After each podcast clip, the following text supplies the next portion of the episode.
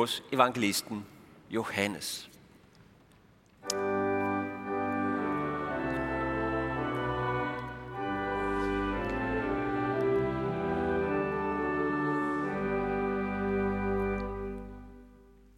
Jesus sagde, nu går jeg til ham, som har sendt mig, og ingen af jer spørger mig, hvor går du hen? Men fordi jeg har talt sådan til jer, er jeres hjerte fyldt af sorg. Men jeg siger jer sandheden. Det er det bedste for jer, at jeg går bort. For går jeg ikke bort, vil talsmanden ikke komme til jer, men når jeg går herfra, vil jeg sende ham til jer. Og når han kommer, så skal han overbevise verden om synd og om retfærdighed og om dom. Om synd, at de ikke tror på mig. Om retfærdighed, at jeg går til faderen, og I ser mig ikke længere. Om dom, at denne verdens fyrste er dømt. Jeg har endnu meget at sige jer, men det kan I ikke bære nu. Men når han kommer sandhedens ånd, skal han vejlede jer i hele sandheden, for han skal ikke tale af sig selv, men alt, hvad han hører, skal han tale, og hvad der kommer, skal han forkynde for jer. Han skal herliggøre mig, for han skal tage mit og forkynde det for jer. Alt, hvad faderen har, er mit. Derfor sagde jeg, at han skal tage mit og forkynde det for jer. Amen.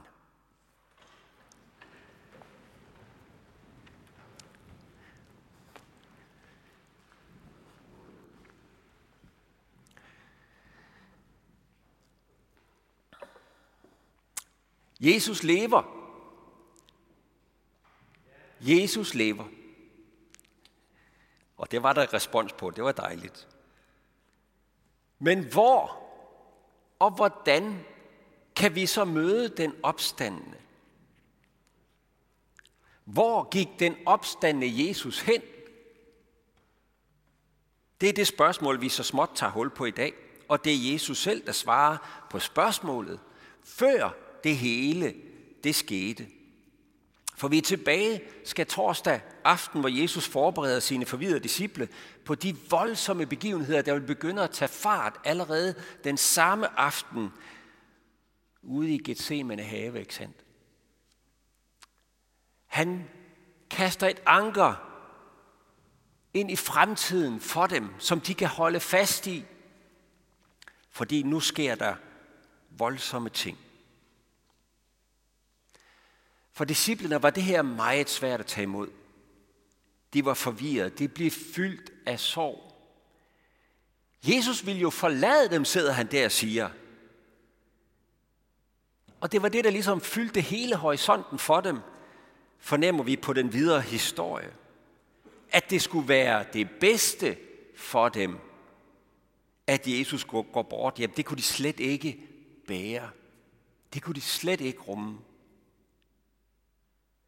Det er jo egentlig mærkeligt at tænke på, at disciplene den aften der skal torsdag, de vil have givet alt for at bevare status quo.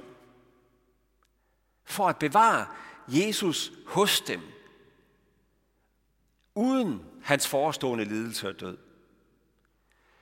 Jesus hos dem, uden den smerte, forvirring og det gigantiske tab, de nu selv skulle gå igennem.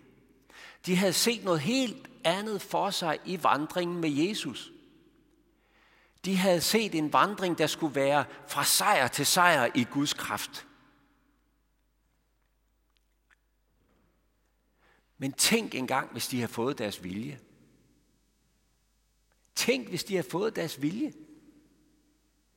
Tænk, hvis Jesus var blevet hos dem og ikke var gået vejen om af korset til Gud, faders højre hånd, så han derfra kunne sende os talsmanden Helligånden for at flytte helt ind hos sine disciple til alle tider og alle steder, alle der vil komme til siden. Både Jesu død og deres egen forestående lidelse, tab og forvirring, og det forhold, at de nu skulle til at vende sig til, at Jesus var hos dem på en anden måde, end han havde været hidtil, det var til bedste for dem på alle parametre. Også selvom de ikke kunne se det. Lige der og da. For os er det selvfølgelig på en anden måde. Men jeg kan alligevel ikke være med at tænke på den erfaring, som vi også nogle gange kan komme til at stå i. Hvor det billede, vi havde af, hvordan det skal gå her i livet for en Jesu disciple, det krakelerer. Hvor vi synes, at Jesus har forladt os, og hvor gik han dog hen? Det var jo ikke sådan her, at det skulle gå for en kristen, sådan som det er gået i mit liv. Når vi rammes af tab og smerte, eller gribes af forvirring og tvivl, af mørke. Vi kan ikke forstå, hvordan det på nogen måde skulle være til bedste for os selv eller for andre. Og så kan det være godt at sætte sig der sammen med disciplen skal torsdag og minde os om, at Jesus ved, hvad der er til bedste for os. Også selvom vi egentlig helst ville have haft det anderledes. Også når det kan se ud, som om han ikke er her, når vi synes, at nu er alt tabt, nu er alt håb ude, nu er troen og håbet kvalt, så kommer han til os, den opstandende, ved sin ånd, og siger, alt virker til gode for dem, der elsker mig. Intet kan skille dig fra min kærlighed. Og så kaster han et anker ind i Guds gode fremtid for os. Et anker, vi kan holde fast i. Præcis som han gjorde for disciplene skal torsdag. Og vel har vi det lidt anderledes end disciplene. Det må vi jo indrømme. Vi har det lidt anderledes. For de var forladt for en tid. Men vi har altid Jesus hos os ved sin ånd. De var vidderlige forladt for en tid. Vi har Jesu ånd ved os også, når vi måtte føle os forladt. Vi har allerede det bedre, Jesus talte om. Helligåndens nærvær. Jesu nærvær ved sin helligånd. Men hvad er det så med helligåndens nærvær?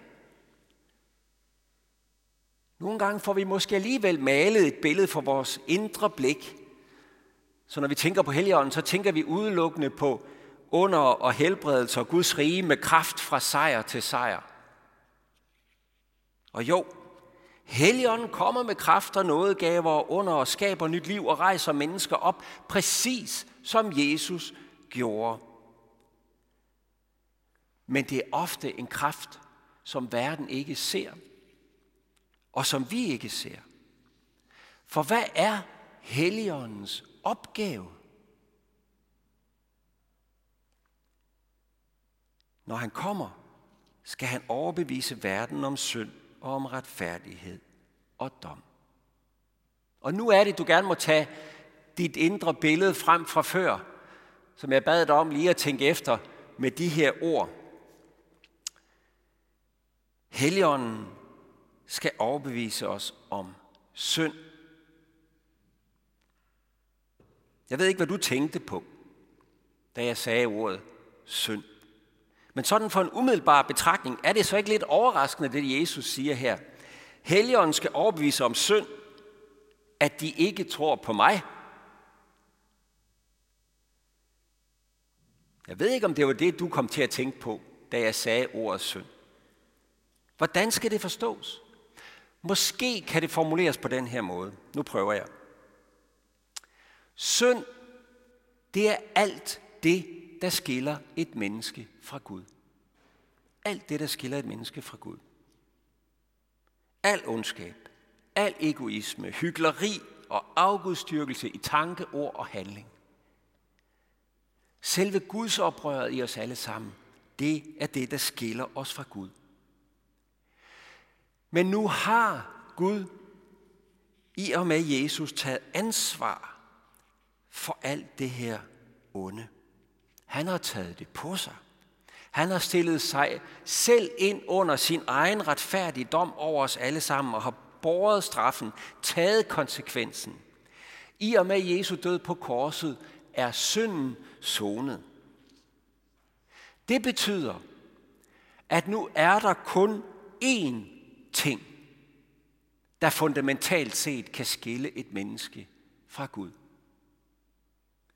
at det ikke vil tro på Jesus.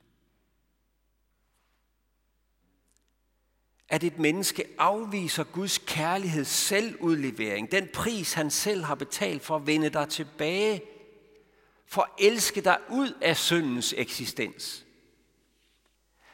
Intet andet end det behøver nu at skildre fra Gud. Gud har bygget en bro til sig selv over al syndens ugudelighed og alt det onde. For han har betalt for det i og med Jesus Kristus.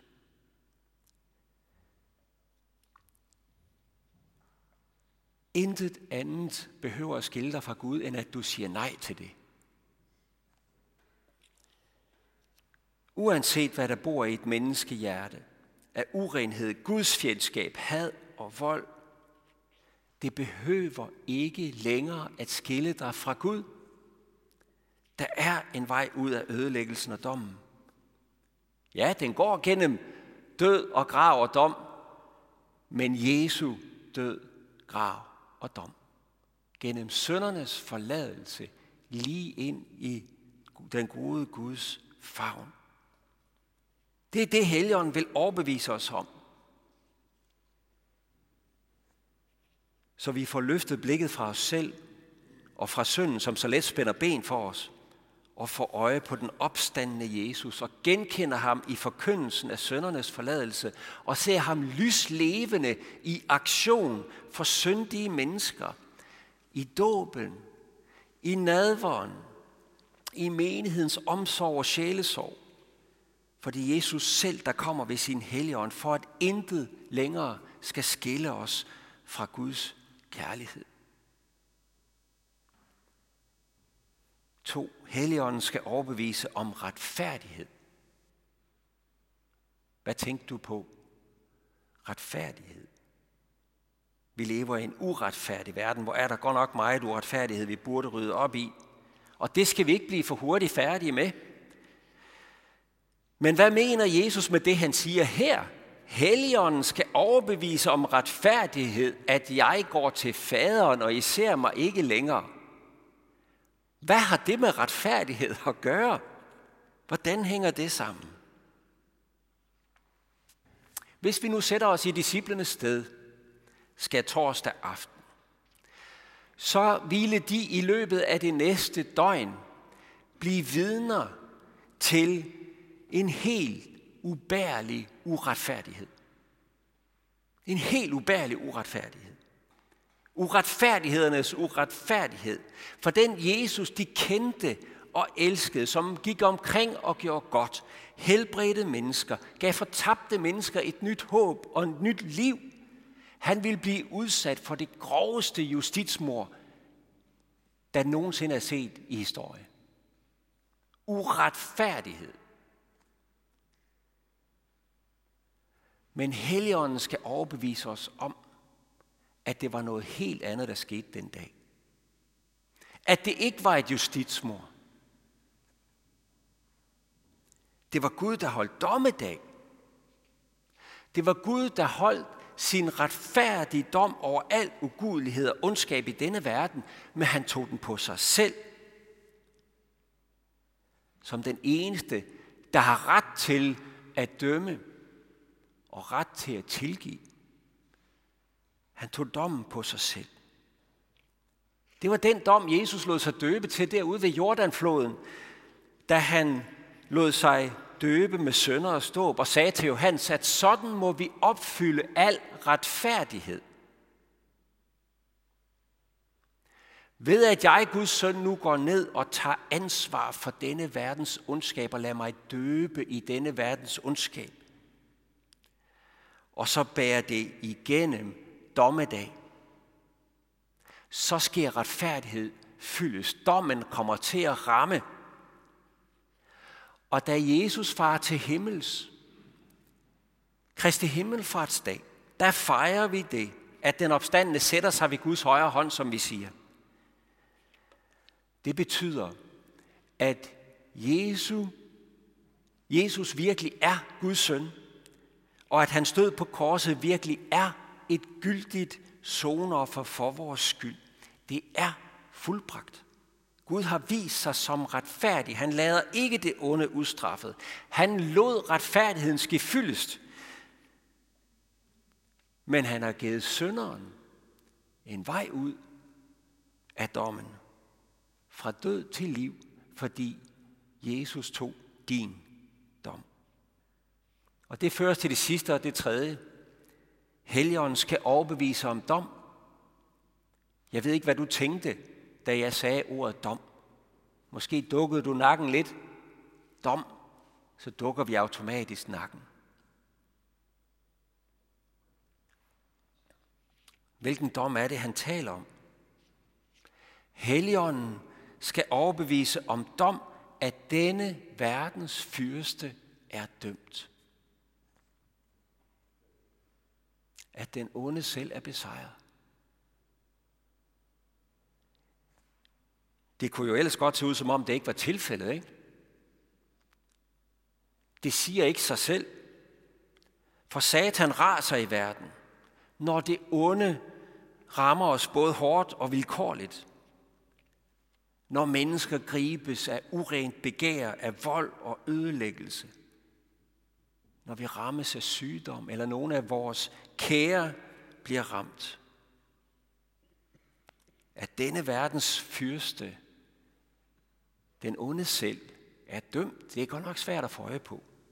Og set fra disciplenes side skal torsdag, så vil de døgn, de nu så ind i, de vil komme til at se ud som om, at nu vandt Satan sin endelige sejr. Løgnen og volden og uretfærdigheden fik det sidste ord. Påskemorgen afslørede tingenes sande tilstand sig nemlig at djævlen havde fået sit afgørende dødstød. Det han lever af, det blev taget fra ham, nemlig menneskers skyld. Menneskers synd og uretfærdighed og ugudelighed spiller dem jo over i hans hænder. At han har ret til dem. Men nu havde Guds retfærdighed, straf, ramt, og Jesus tog straffen. Gælden er betalt. Skylden er sonet. Satan er besejret. Og hans herven omkring os, det er kun dødskramper. Det er Helligåndens gerning. Det er det, den kommer for. At overbevise om synd og retfærdighed og dom. At overbevise om evangeliet. At synden er besejret i Jesus Kristus at retfærdigheden har fået sit og vil få sit, for den onde skal dømmes, og sønderen kan frelses i Jesu navn. Jesus formulerer det på en anden måde. Helligånden skal herliggøre mig. Det vil sige, den skal pege på Jesus. Den skal give os det, Jesus har gjort for os. Og Helligåndens gerning bliver at tage alt det fra os, der holder os fra Jesus og blokerer udsigten til ham. Han vil give os noget langt bedre. Jesu evige nærvær. Jesu evige sejr over synd, død og djævel. Og det er til bedste for os. Og det bedste, vi kan gøre ved det, det er præcis det, som Jakob sagde til os i pistelteksten, vi hørte lige før. Tag med sagtmodighed imod det ord, som er indplantet i jer, og som kan frelse jeres sjæle. Lov og tak og evig ære være dig, vor Gud, Fader, Søn og Helligånd, du som var, er og bliver en sand treenig Gud, højlovet fra første begyndelse, nu og i al evighed. Amen. Vi vil rejse os og tilønske hinanden netop det Helligånden gerne vil give os. Hvor Herre Jesu Kristi nåde, Guds, vor Fars kærlighed – og Helligåndens fællesskab være med os alle. Amen.